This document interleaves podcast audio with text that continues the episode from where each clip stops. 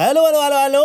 Berjumpa kembali dengan saya Gilang yang sudah lama tidak mengupload episode podcast karena sudah sebenarnya saya update terus ya informasi-informasi dan tapi kayaknya sepertinya ada beberapa informasi dan banyak informasi yang berkembang akhir ini tidak begitu menarik untuk dibicarakan dan beritanya ya begitu-begitu aja. Kali ini kayaknya cukup menarik nih untuk diperbincangan ada beberapa berita yang menarik juga nih yang kita bisa bahas di episode podcast kali ini di podcast suka gulat. Podcast podcast. Suka suka gulat gulat. Sejak sekian lama belum upload lagi episode ya. Mudah-mudahan teman-teman masih setia untuk mendengarkan episode demi episode yang ada di podcast Suka Gulat. Karena cuma podcast Suka Gulat yang podcastnya sendirian ngomongin gulat profesional berbahasa Indonesia. Sepertinya begitu sepertinya ya dan uh, saya juga secara pribadi tidak begitu mengikuti akhir-akhir ini ya episode episodenya Raw ataupun episodenya SmackDown karena uh, memang lagi males aja, lagi lagi bosen aja ya dengan uh, episode yang ada di Raw. Mungkin SmackDown masih lihat sedikit-sedikit lah ya, karena memang uh, menarik juga masihan.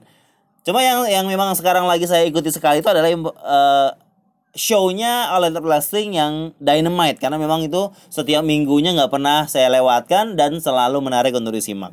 Anyway, kita bahas aja nih tentang episode SmackDown di pagi hari ini yang di mana match main eventnya yang patut diacungi jempol adalah match Daniel Bryan melawan Roman Reigns di mana karir karir lagi karirnya Daniel Bryan dipertaruhkan melawan uh, Roman Reigns untuk Universal Championship-nya.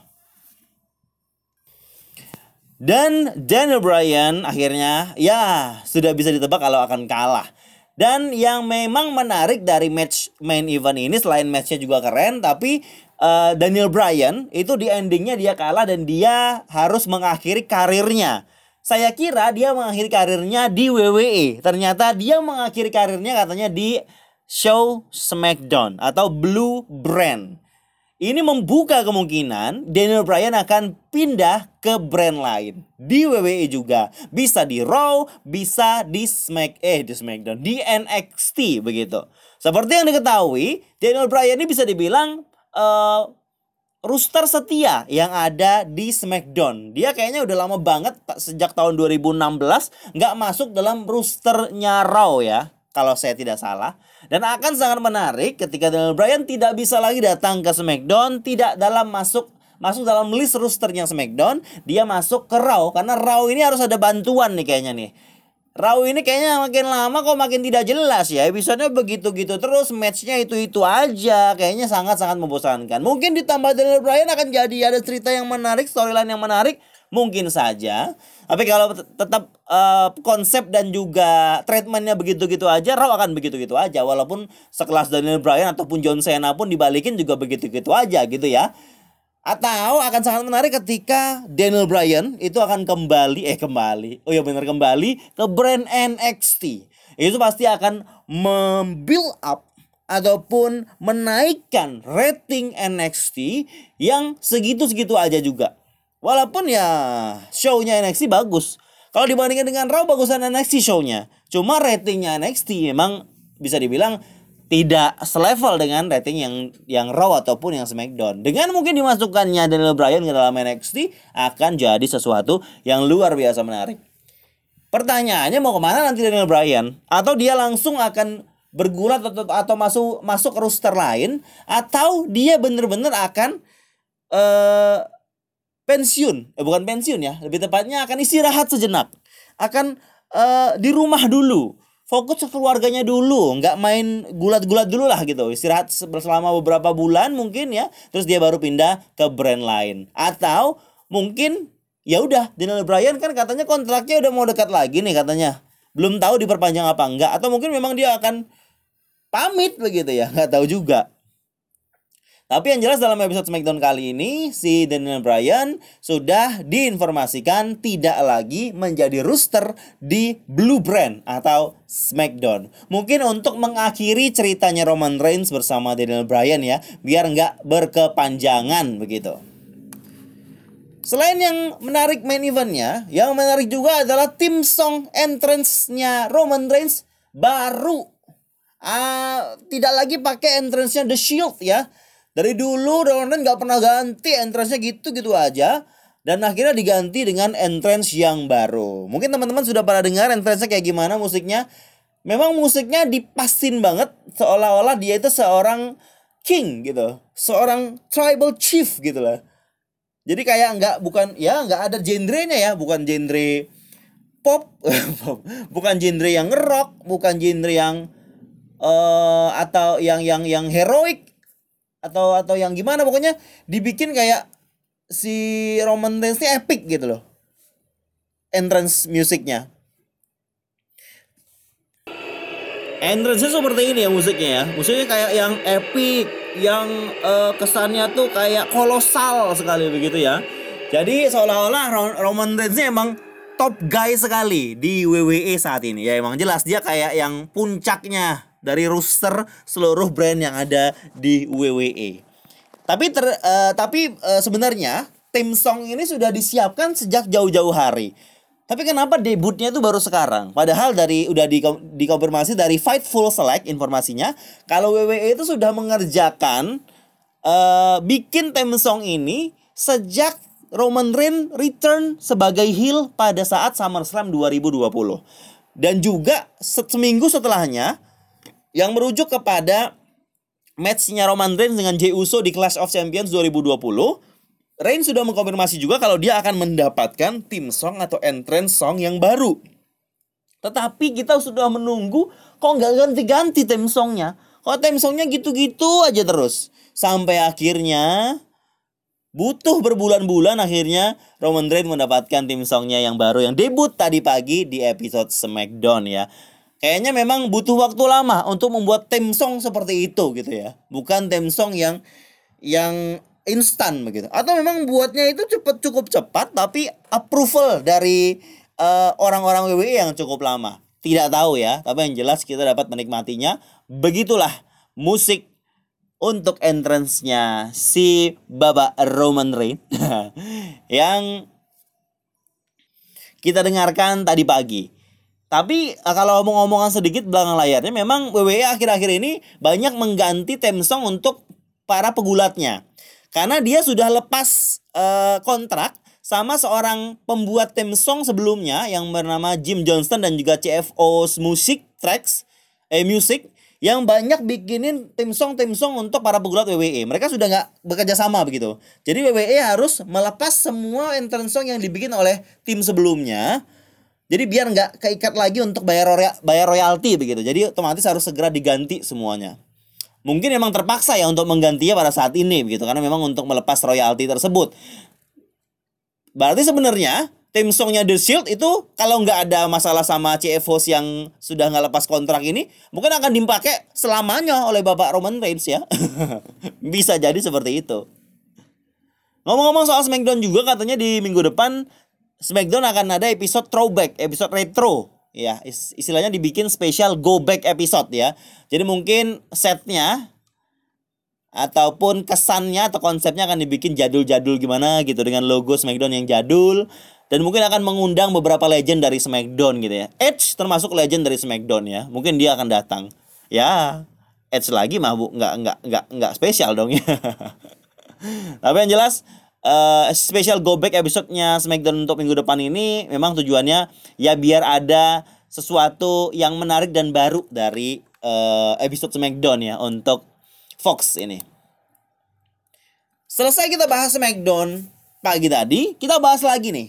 Ada satu seorang superstar perempuan yang lagi digadang-gadang katanya akan masuk ke NXT dengan sebuah vignette video yang muncul tulisannya Diamond Mine gambarnya kayak uh, permata diamond gitu logonya terus ada ada kayak uh, tangan kepal gitu dua di samping logo diamond tersebut ya dengan tulisan diamond mine.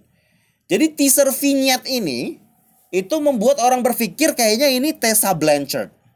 Tessa Blanchard yang kemarin sempat rame diperbincangkan karena dia uh, seorang pegulat wanita yang lagi naik-naik daunnya sebelum pandemi ya. Tapi sayangnya karena pandemi dia ada kasus dengan Impact Wrestling di mana dia lagi jadi champion, cuma dia nggak bisa balik dari Mex kayaknya dia di Meksiko atau gimana gitu.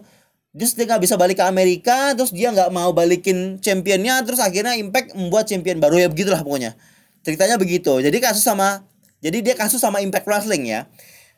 Dan tapi saya tapi ya dapat diakui kalau Tessa Blanchard ini ya memang seorang free agent yang sangat uh, bertalenta yang memang bisa dibilang banyak yang berminat untuk Tessa Blanchard ini masuk ke dalam brandnya termasuk WWE dan juga All Elite Wrestling.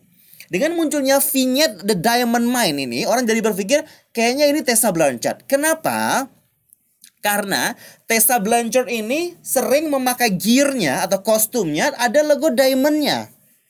Karena memang netizen kadang suka begitu ya, di, dihubung-hubungkan. Karena Tessa Blanchard itu kadang ada diamondnya. Yuk yang ada logo diamondnya di Diamond Mine ini jadi kesannya itu kayaknya Tessa Blanchard gitu. Dan juga di tweetnya Tessa Blanchard dia suka kasih uh, logo atau emoticon permata begitu atau diamond gitu. Pas dia ngomentarin ada fansnya yang uh, nge-tweet ke dia di tanggal 28 April terus dia balas terima kasih dan juga rindu rindu bergulat. Terus dia kasih emoticon diamond. Nah ini orang berpikir nah kayaknya benar nih. Diamond mine ini Tessa Blanchard. Dan ada juga berpikir kalau diamond mine ini sebuah acara ataupun segmen untuk NXT seperti Raw Underground. Atau Diamond Mine ini bisa dibilang orang juga sebagai grup grup baru yang dibentuk di NXT orang-orang baru juga isinya. Dan juga ada orang lain yang di uh, masih orang masih nebak-nebak gitu loh. Tapi yang kuat kayaknya salah satunya adalah Tessa Blanchard ini. Nah, ada kabar lagi nih yang mengatakan kalau Tessa Blanchard itu nggak ke NXT sebenarnya, tapi sudah deal, sudah hampir deal dengan rivalnya WWE yaitu AEW atau All Elite Wrestling. Tadi uh, katanya banyak yang bilang karena ada teaser vignette Diamond Mine ini karena Tessa Blanchard juga sering pakai diamond gitu ya kalau logonya katanya bakal ke NXT. Tapi ini kabar dari si SAS SAE eh gimana sih? SA Scoops ya yang melaporkan. Bukan cuma Tessa Blanchard tapi suaminya Daga. Ini dilaporkan lagi melangkah untuk masuk dan mendaftar, bukan mendaftar ya, dan bergabung ke roosternya All Elite Wrestling. Jadi sumber yang didapatkan oleh SS Scoops ini, dia bilang katanya mereka berdua ini si Dagai, suaminya Tessa Blanchard dengan Tessa Blanchard juga, itu sedang negosiasi dekat dengan uh, All Elite Wrestling yang katanya situasinya sudah dikit lagi tinggal tanda tangan doang gitu tinggal formalitasnya aja gitu dan memang uh, tidak dipungkirin kalau memang Tessa Blanchard sama Alan Racing dan juga WWE ini lagi di lagi diminati begitu.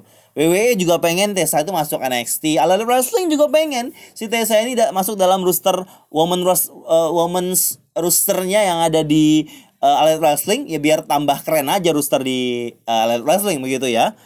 Walaupun memang Tessa Blanchard ini punya kontroversi yang sudah saya ceritakan tadi, selain itu juga ada beberapa kontroversi lain, tapi talentanya di atas ring juga tidak bisa kita pungkiri kalau menarik begitu. Pendapat pribadi saya nih, teman-teman, sepertinya Tessa Blanchard itu akan masuk All Elite Wrestling.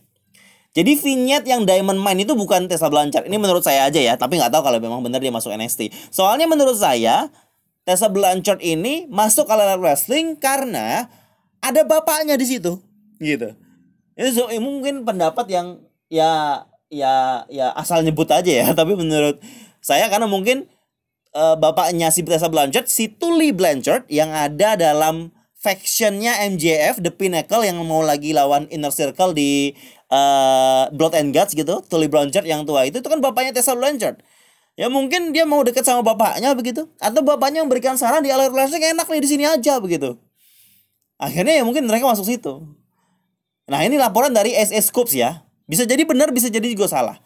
Tapi kemungkinan menurut saya benar.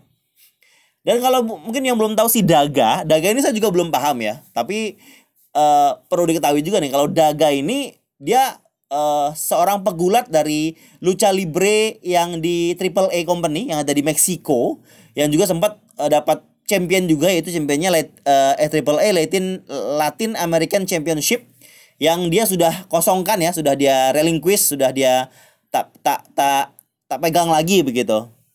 Ini mungkin sebuah uh, tanda kalau dia akan pindah ke brand gulat lain. Apakah benar Tessa Blanchard akan ke wrestling atau jangan-jangan Diamond Mine ini ya Tessa Blanchard? Ini situasi yang sama terjadi dengan Daniel Bryan. Dan setelah keluar dari SmackDown, apakah dia ke Raw atau NXT? Tessa Blanchard begitu. Setelah keluar dari Impact, dia ke Wrestling atau ke WWE? Misteri akan terjawab beberapa hari kemudian. Mari kita beralih ke informasi lain ya dari uh, dunia gulat profesional juga. Kita sering bahas di eh, di podcast ini tentang Andrade. Mau ke mana Andrade? Setelah dia keluar dari WWE dengan sangat baik itu tanpa ada 90 day complete, uh, no compete clause-nya. Akhirnya sudah diinformasikan dan sudah dirilis kabarnya dari Andrade sendiri kalau dia akan masuk ke brand gulat indie yang baru akan dimulai atau dibentuk di Meksiko yang bernama Federation Wrestling. Dia nggak ke Elite Wrestling, dia nggak ke Impact, dia nggak ke NJPW, dia kembali ke Meksiko di uh, brand gulat indie baru Federation Wrestling. Yang mana Federation Wrestling akan membuat sebuah pay-per-view event yang akan diselenggarakan di tanggal 19 Juni 2021. Di posternya pun sudah dirilis ya. Dan yang uh, ter, yang yang yang ada dalam uh, event ini bukan cuma Andrade yang kita kenal, tapi banyak juga pegulat ala Elite Wrestling. Ya, seperti yang mungkin teman-teman tahu kalau Elite Wrestling ini banyak punya pegulat yang bebas kerja di mana aja begitu, dibebaskan kontraknya gitu ya. Bukan kayak WWE yang strict di WWE aja, nggak boleh ke mana-mana. Nah, kalau Elite Wrestling ini lebih lebih uh, cakupan kontraknya itu lebih bebas gitu. Jadi bisa tampil di mana aja. Jadi dalam event ini Federation Wrestling akan ada uh, duetnya Ray Phoenix sama Penta El Zero Miedo yang memang sangat rutin ada di Allied Wrestling. Mereka akan hadir di sini juga. Terus juga bakalan ada uh, Tai Conti juga pemain uh, pegulat cewek itu. Red Velvet juga akan ada di sini. Ada juga yang mungkin kita kenal namanya ada PJ Black, ada Matt Taven, terus ada ada Bandido, ada teman-temannya uh, si Andrade yang dari NJPW Los Ingobernables gitu ya ya itulah pokoknya saya nggak begitu kenal. Tapi yang jelas banyak pegulat-pegulat alat wrestling yang akan tampil di Federation Wrestling. Tapi bisa jadi ini menandakan apakah Andrade ke Elite Wrestling? Oh, tapi aneh juga ya kalau setiap pegulat Elite Wrestling eh WWE yang keluar langsung dilirik Elite Wrestling begitu ya. Seolah-olah dapat buangannya WWE begitu ya. Tapi kan nggak semuanya ya, ada beberapa yang yang menarik aja yang bakal jadi penyumbang uh, yang bagus untuk uh, roosternya yang ada di All Elite Wrestling. Sudah terjawab ya pertanyaan kita yang sudah kita saya ajukan sendiri ketika uh, berpodcast tentang Andrade ini. Dia akan ada di Federation Wrestling, brand gulat yang ada di Meksiko yang baru aja dibentuk begitu. Ada informasi lagi nih, kabar katanya kayaknya atau bau-baunya atau kemungkinan uh, eh, NXT itu akan mendapatkan satu uh, show mingguan lagi. Selain ya acara NXT ya, NXT show ya. Mungkin karena Mungkin karena baru-baru ini WWE baru aja mengungkapkan kalau dia berafiliasi dengan MLW, tapi baru diskusi aja ya akan kerjasama dengan MLW ini.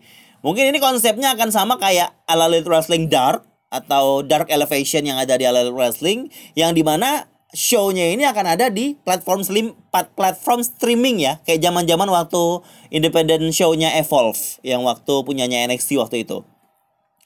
Mungkin ini tujuannya untuk biar uh, rooster-rooster yang ada di NXT dan juga orang yang di development uh, program di performance center itu mendapatkan experience ataupun pengalaman uh, ter terlibat dalam sebuah show gulat begitu ya. Karena memang kalau cuma NXT aja show-nya, jadi kasihan nih orang-orang yang ada di performance center ini nggak gak bakal punya pengalaman. Dia kan harus punya pengalaman banyak dulu biar jadi roster yang ada di NXT dan juga bisa masuk main roster begitu ya. Karena pengalaman ini sangat dibutuhkan untuk seorang pegulat biar dia tahu apa yang akan dia lakukan ketika dia masuk ke dalam show yang akan direkam di televisi ataupun ditayangkan secara live di televisi. Kita tunggu aja nih ya. Mungkin uh, uh, hubungan WWE yang dan MLW ini akan kerjasama dan juga Evolve yang sudah dibeli WWE di bulan Juli 2020 akan me, menitik atau menuju kepada NXT punya show lainnya yang tidak ditayang di TV tapi ditayangkan di platform streaming. Seperti ya yang saya bilang tadi uh, programnya Elite Wrestling Dark ya. Memang tujuannya memang untuk membuat uh, platform ataupun wadah untuk pegulat-pegulat baru biar ada pengalaman untuk bergulat begitu. Pengalaman terlibat dalam show. Satu lagi informasi terakhir nih, yang mungkin sudah diinformasikan kayaknya seminggu uh, belum seminggu ya, udah beberapa hari yang lalu. Kabar dan alasan kenapa AJ Styles dan Omos itu kok nggak muncul setelah WrestleMania, nggak muncul di episode Raw di mana pun gitu, eh, di episode Raw setelah itu gitu sampai saat ini.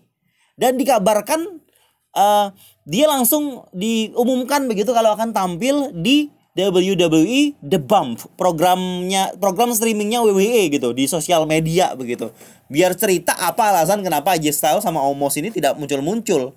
Padahal dia kan ini tag team champion ya. Tag team champion tag champion ngalahin The New Day. Terus tiba-tiba ngilang gitu aja gitu loh terus muncullah meme meme yang ada di uh, komunitas ber, uh, gulat profesional yang mempertanyakan uh, uh, keberadaan mereka ini terus dikasih tulisan missing begitu. Kayak dicari begitu. Orang masih bertanya-tanya kenapa, kenapa dan kenapa. Banyak rumor yang memang mengabarkan kayaknya salah satu dari mereka katanya ada yang cedera. Walaupun nggak cederanya nggak yang yang berat begitu, tapi itu harus membuat mereka off dari televisi. Terus juga ada yang bilang katanya uh, salah satu dari mereka kena COVID. Atau bahkan dua-duanya kena covid tapi nggak diumumkan. Toko-toko nggak ada acara aja gitu. Uh, toko-toko nggak ada muncul begitu aja. Dan pada saat di episode The Bump diomongin lah. Dan saya nggak percaya omongannya AJ Style dia bilang si Omos dan AJ itu party ataupun berpesta di Nigeria. Ini kan nggak masuk akal ya. Siapa yang mau percaya? Kalau mereka katanya party di Nigeria setelah kemenangan mereka di WrestleMania 37. Kan aneh begitu. Tapi itu yang diungkapkan AJ Styles biar ya orang nggak bertanya lagi alasan mereka. Mereka buat alasan kayfabe, alasan palsu mungkin yang biar ya biar jadi sesuatu yang bisa dipromokan ketika mereka balik lagi ke Raw. Saya sih curiga, saya curiga ada salah satu dari mereka ini uh, uh, kena COVID begitu ya. Walaupun memang ada yang ngaporkan kalau cedera gitu loh. Tapi masuk akal gak sih ketika mereka cedera uh, ketika mereka cederanya yang minor, yang gak berat. Apa salahnya sih mereka datang ke ke acara Raw untuk ya sekedar promo aja begitu gak usah match gitu. Datang aja gitu. Kalau mereka memang lagi cedera begitu, cedera ringan. Kan mereka kita butuh falloutnya kemenangan mereka setelah di WrestleMania, uh, WrestleMania 37 kemarin. Gak ada falloutnya, gak ada promo mereka setelah itu gitu loh. Ya berarti kalau mereka nggak ada, nggak boleh datang ke Raw, mereka nggak tampil ke Raw, mereka dirumahkan aja, ya ada sesuatu dong pasti. Nah itu kecurigaan saya ya. Tapi yang jelas sudah dikonfirmasi oleh Styles dan juga Omos, mereka akan kembali di episode Raw berikutnya. Dan sampai sekarang nggak ada informasi detail lebih lanjut tentang hal itu. Mungkin kita harus menunggu promo mereka.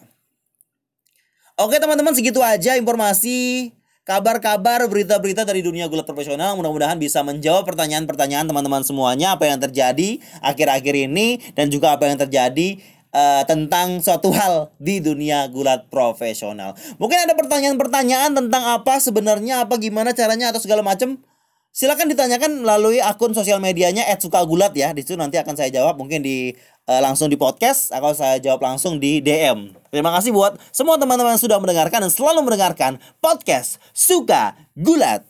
Teng teng teng.